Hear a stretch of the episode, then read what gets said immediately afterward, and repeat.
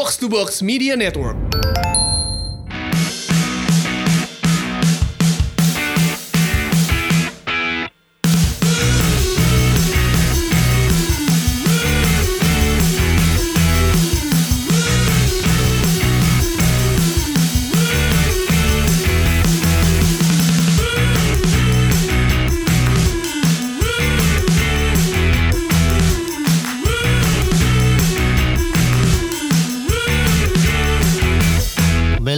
Bersama Box to Box Football Podcast, podcast sepak bola terbaik di Indonesia. Setelah semalam abis party nih coach, coach nggak ikut coach. Gak lah party buat anak Buat anak muda ya? Anak ingusan. nah ngomong anak muda nih, uh, kita uh, ini dulu bahas dulu yang lolos ke UCL. Ada yang menarik nggak coach? Enggak. Gak ada yang menarik ya? Gak ada yang mengejutkan. Terus Gue sebenarnya males gue bahas UCL itu aduh liga-liga ampun-ampunan dah. Ini Ini, cuman menarik karena yang juara bisa masuk Champions League udah itu aja. nggak UCL, uh, Champions League justru maksudnya. Oh Cha- Ah, Champions League. Ah, bukan UL. Eh, Champions League nggak ada yang menarik. Gak ada yang menarik. Liverpool ditunggu Real Madrid katanya. Masa sih? Bisa bisa ketemu sih. Di Liverpool tuh bisa ketemu Real Madrid, Atalanta, Atletico, Dortmund Oh, iya, iya. sama Lyon. Yang paling berat emang Real Madrid doang sih Liverpool. Cuman Iya. si Zidane bilang kalau ketemu Liverpool saya akan kalahkan ya gitu. Ya semua pelatih juga bilang gitu nggak mungkin dia bilang lagi nggak nggak mungkin dia bilang oh, pasti Liverpool menang. Ya se- se- Tapi gue sih eh, gue bilang Liverpool lebih kuat daripada Madrid. Madrid itu nggak konsisten. nggak konsisten ya. Kadang bagus, bagus banget. Terus di kandang lawan tim parkir bis susah. Cuman ya mereka punya beberapa pemain yang punya nilai tambah ya. Tapi Hazard belum nyetel ya. Belum, tapi nggak nggak perlu nyetel. Hazard butuh seperempat peluang untuk bisa cetak gol. Oh, Oke. Nah kalau USL UCL udah nih ada UL juga nggak usah lah ya. Nggak usah. Ya ini FYI aja uh, undian itu hari Senin jam 6 sore. Iya. Itu Jam undian jam 12 ya di sini jam, 6 ya. Nah, di sini jam 6 uh, WIB. Nah, yang kemarin juga uh, banyak dibahas tuh Wonderkid Erling Braut Haaland nih. Coach ada komentar gak coach? Soalnya ini bener-bener lagi rame banget. Enggak. Gue juga gak ngerti kenapa. Yang bikin ramai itu kan netizen. Haaland ini pemain ya cukup berbakat. Bagus di Liga Austria.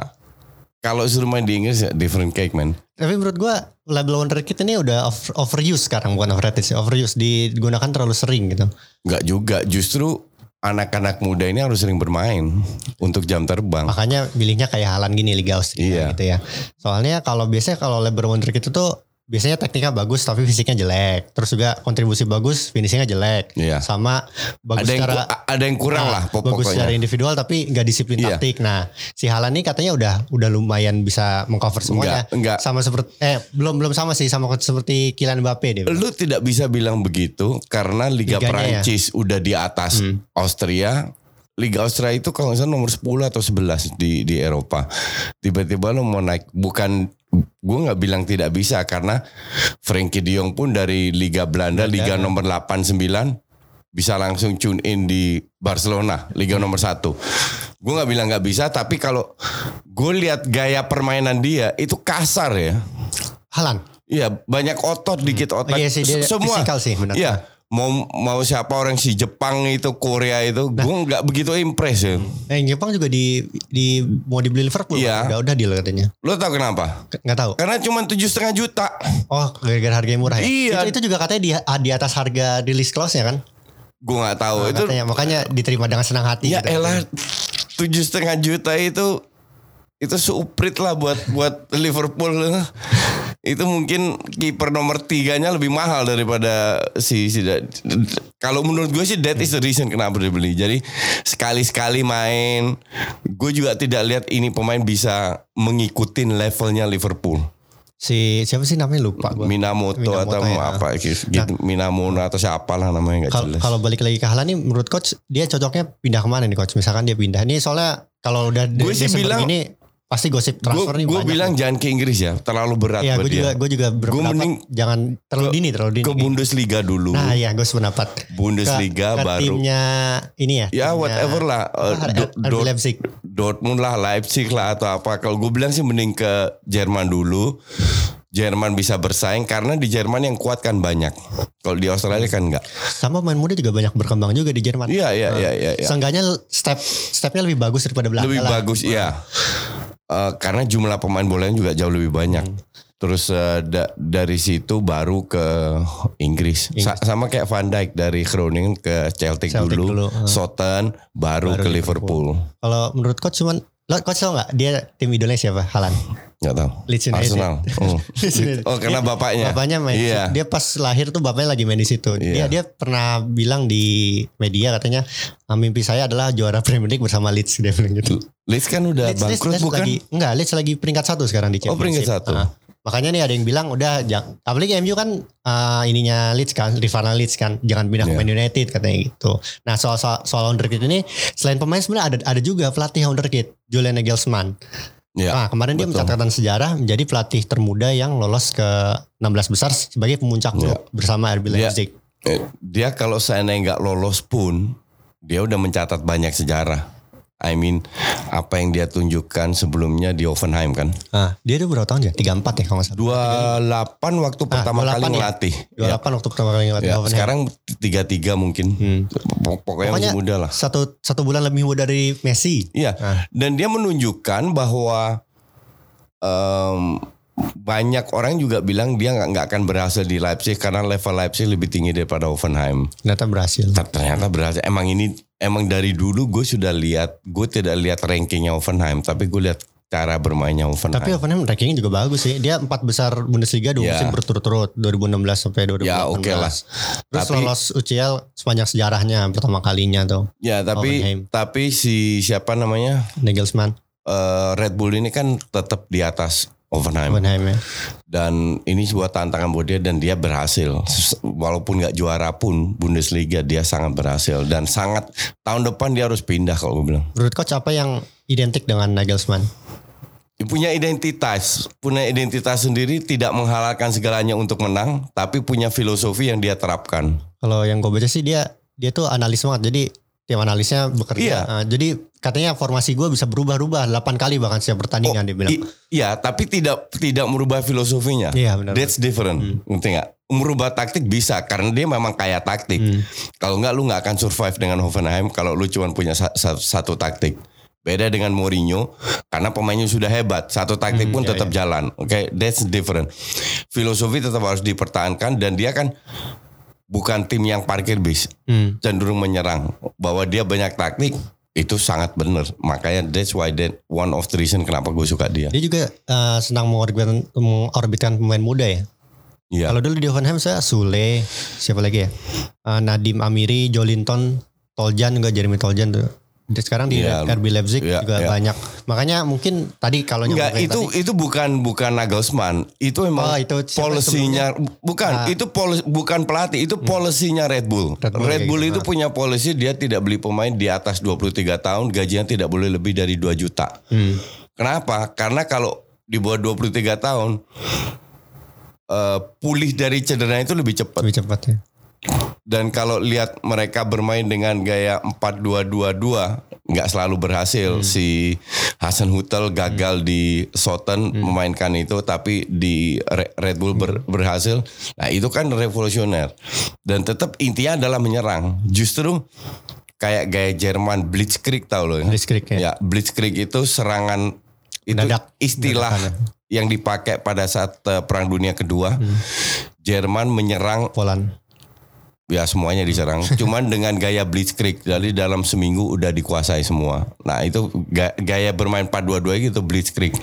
Jadi eh menunggu, melihat momen yang tepat, ber hajar langsung, press, ambil bola, peluang, 7 detik, finishing. Ngerti nggak? Kayak Ngerti. kayak kayak gitu-gitu.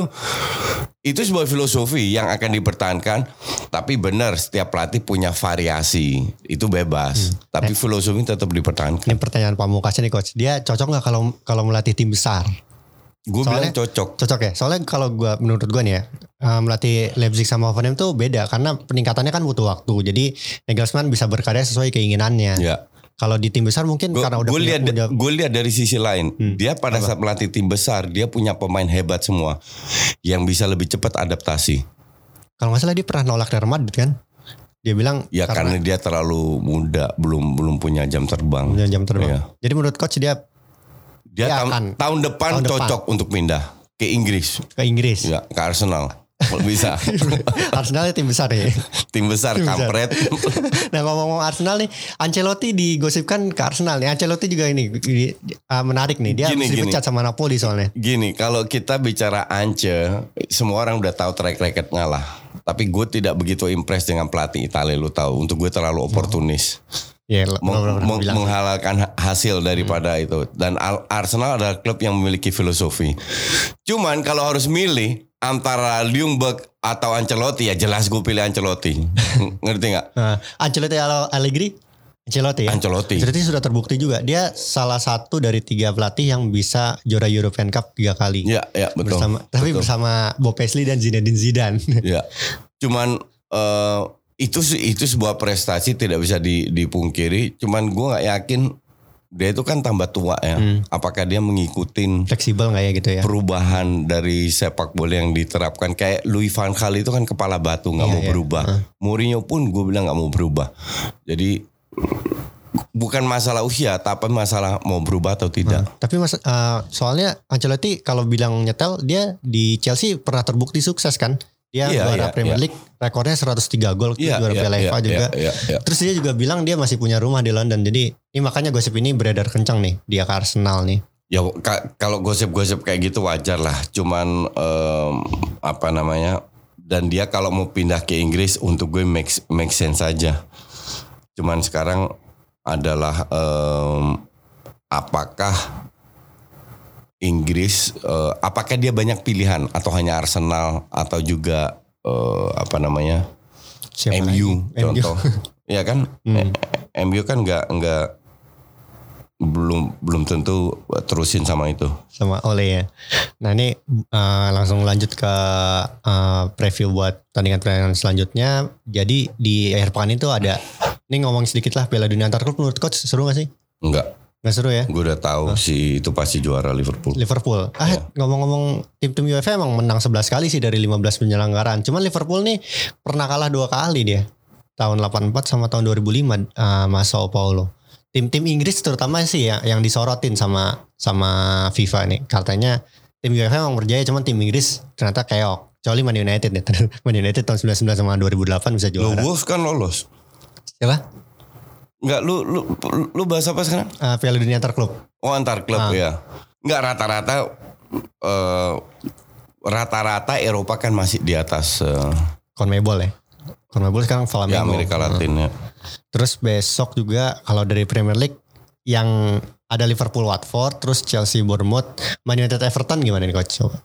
Nah ini ini menjadi em, apa namanya per- uji coba untuk Ole apakah dia bisa bermain Lawan tim bagus besar. bukan lawan tim parkir bis Memang Everton parkir bis. Everton lu, Setelah ganti pelatih. lu cek terakhir Lawan terakhir Chelsea. ti- 30 persen 40 persen Oh, iya, ball, possession Ya Everton juga trennya lagi positif Yang- nih. Iya, enggak baru satu Baru match. satu.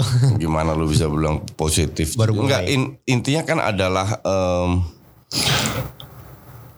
apakah dia dia sudah berhasil lawan tim besar. Hmm. Tapi lawan tim kecil kan belum terbukti makanya ranking 5. Hmm. Karena match lawan tim kecil kan lebih banyak. Hmm. Nah, fansnya ini kan lagi lagi Lagi senang-senang, gembira ya. lagi gembira karena menang kemarin lawan menang Spurs. 4-0 lawan ini menang Spurs lawan Spurs, Lawan AZ menang juga. lawan City. Kemarin AZ dibantai 4-0 Ada Calvin Stengs yang waktu itu kita omongin. dalam 11 menit. eh se- cuman AZ kan bukan tim parkir bis. Babak pertama 63% ball possession AZ. Hmm. Nonton, Coach? Di kandang, gue nggak nonton. Nonton. Gila capek kali tiap hari nonton bola. Gue nonton Arsenal Castro. ya. Nonton bola. Terus em, jadi intinya adalah sebuah pembuktian buat Ole apakah dia bisa main menang meraih prestasi dengan lawan tim parkir bis. Soalnya gue lihat Ole tuh kayak udah lega sedikit sih gara-gara kemarin ujiannya dua pertandingan itu udah Iya, lewat lawan Spurs dan lawan Iya, Man City. Cuman kan kan fans MU ini udah udah lima tahun di PHP terus. Na- naik dikit seneng-seneng hancur. J- jatuh lagi. Kayak dari awal lah menang 4-0 lawan Chelsea. Wah Iya, kita iya, juara iya, juara. Habis itu hancur-hancuran. Jadi biarin aja. Ya. Senang-senang dulu fans MU. Nanti awal awal pekan kita kita lihat hasilnya ya. Terus juga Wolves lawan Spurs nih big match nggak? Biasa aja ya. Gue siaran itu. Hah? Itu siaran tuh Wolves lawan Spurs. gue siaran di TVRI. Wo- Wolves Udah riset Spurs. coach. Eh, belum. Wolves Spurs untuk Mo ini big match ya. Karena eh, ya untuk eh, tim yang bisa mempersulit empat besar lah. Hmm, benar. Salah satu Wolves sama sama Spurs. Gue bilang nggak gampang bisa menang lawan Wolves. Wolves. Awal-awal, awal 5, 6, 7 match. Awal kan Wolves keteteran ya. Atau 4, 5 match lah. Iya benar-benar. Habis Awal-awal itu kata- mereka, gara-gara mereka juga belum nyetel sama Europa League. gue nggak ngerti lah apa, Jadwalnya apa padat. alasannya. Pokoknya intinya mereka keteteran, habis itu mereka bangkit dan bangkit terus. Jadi gue tidak lihat Spurs bisa menang lawan lebih seri atau Seri atau kalah, kalah bahkan. ya. ya. Hmm. Nah, di antara semua pertandingan Liga Inggris yang paling seru tentunya adalah Arsenal lawan Man City. Nah, Apa serunya itu? Hah? Gak ada seru-serunya. Enggak soalnya ini Man City kan trennya lagi negatif, lagi banyak disorot Enggak juga. Terus juga City itu nih kalah kan cuma satu match. Iya, Enggak pas pas secara- lawan MU. secara permainan juga ini ya lagi lagi banyak baca. Gue sih tadi Hmm. cuma baca tulisan Michael Cox doang sih. Dia bilang Lu jangan terlalu banyak baca wartawan nulis. Itu apa wartawati apa? itu pak pandit komputer semua. Jadi kalau gue bilang nggak ada masalah dengan strategi, cuman memang performa pemain agak menurun. Tapi kalau lihat Gapsus kemarin cetak tiga gol lagi, jadi di UCL. se- sebenarnya kalau gue bilang ini masalah percaya diri aja, di mana pemain ya kalau lu bermain buat City ya lu harus menang terus tiap minggu, main bagus, mendominasi, banyak peluang dan menang gede. Itu kan ekspektasi orang semua. Tapi dari semua waktu pertandingan apakah ini saat yang tepat bagi Arsenal melawan City di saat City lagi seperti Enggak, ini? lu kira Arsenal lagi hancur-hancuran gitu. Arsenal kok main kayak kayak tiga Iya, match di bawah Ljungberg itu ah, selesai. Cuman yang kita nggak tahu kayak lawan West Ham. Iya ya. Tiga shots, tiga gol, gila itu. Padahal gue wah ini dibantai ini sama West Ham. Ini karena West Ham tidak cetak gol kedua di mana mereka banyak peluang di babak pertama. Karena gol kedua nggak lahir, tambah semangat lah. Bener-bener asli dari total 4 shots, 3 on target, 3 gol. Beruntung banget. Beruntung banget. Iya. Jadi nggak nggak layak menang juga. Tapi ya that's football. Ka- ka- jadi kalau Arsenal Man City kira-kira Kalah Arsenal. Kalah Arsenal. Ya. gue juga gue juga melihat Kalah cuman satu dua nomor udah bersyukur. oh gitu. Serius. Kalau nggak dibantai bagus. Kalau gue bilang sih kalah Arsenal. There is no hope lah. Kemarin juga nonton Arsenal lawan eh, Eh, Standard League bukan? ya Standard Life. Standar itu tim bapuk yang minta Standard. ampun. Eh, 2-0 ketinggalan, mainnya juga hancuran. Arsenal cuma main agak lumayan itu 15 ter- menit terakhir. Ah, 15-20 menit terakhir lah. Agak lumayan. Kalau penyerang Arsenal tuh yang masih muda siapa? Ah, Bukayo Saka. bukan yang yang pemain Martinelli. Brasil. Ah itu Aduh itu juga banyak Coach, otot dikit biasa aja. otak. Biasa banget. Biasa. Cuman dia punya goal insting itu harus diakui. Cuman kalau lu lihat dia dia dribbling deh. Bagusan gue daripada dia. oh iya. Ribut dengan bola terus. Buset. Ini, ta- tapi emang pekerja keras. Hmm. Ya seperti yang gue bilang banyak otot dikit otak. Yang punya otot itu cuman Bukayo Saka itu loh. Bukayo Saka ya. Itu Itu, memang, memang jago ya. Gue juga baru, Jago. baru baru tahu tahun ini. Satu-satunya pemain muda itu dari tahun lalu. Gue nonton dia Gua pas pas di Singapura di ICC. di ICC. Eh, dia sama Smith Rowe. Emil Rowe ya? Smith Rowe Masih, masih kan masih lalu dipinjemin ke ke mana ya? ke Red Bull. Red Bull Leipzig ya? Iya, cuman nyaris nggak main karena cedera juga. Tapi eh, Smith Rowe sama Saka yang agak mending yang lain, aduh, Nketiah, Nelson, Eh, Ketia Willock. di Leeds sekarang jago loh. Decisif deh. di di Leeds, Ah, di Leeds, kan di belum Leeds. belum Ah. terbukti juga. Cuman gue sih gue nggak begitu optimis lah. Syukur-syukur di bawah pelatih baru mereka berkembang karena masih muda semua kan. Ah. Tapi kalau lihat permainan yang apalagi namanya Joe Willock sama Eh, Rice Joe, Joe Nelson Willock nggak itu. nggak suka. Aduh hancur-hancuran itu. Berkali-kali gue lihat dia main berkali-kali diberi kesempatan. Gak pernah main Dia itu bagus. posisinya di nomor 10 kan ya kalau Iya, ya? iya. Mem- Memang nggak nggak menurut coach, Hancur. nggak. Nggak punya visi sama sekali. Lebih baik Ozil di situ. 100 kali. Seru sekali. Walaupun usil lelet tapi Hmm. jauh lebih baik gol.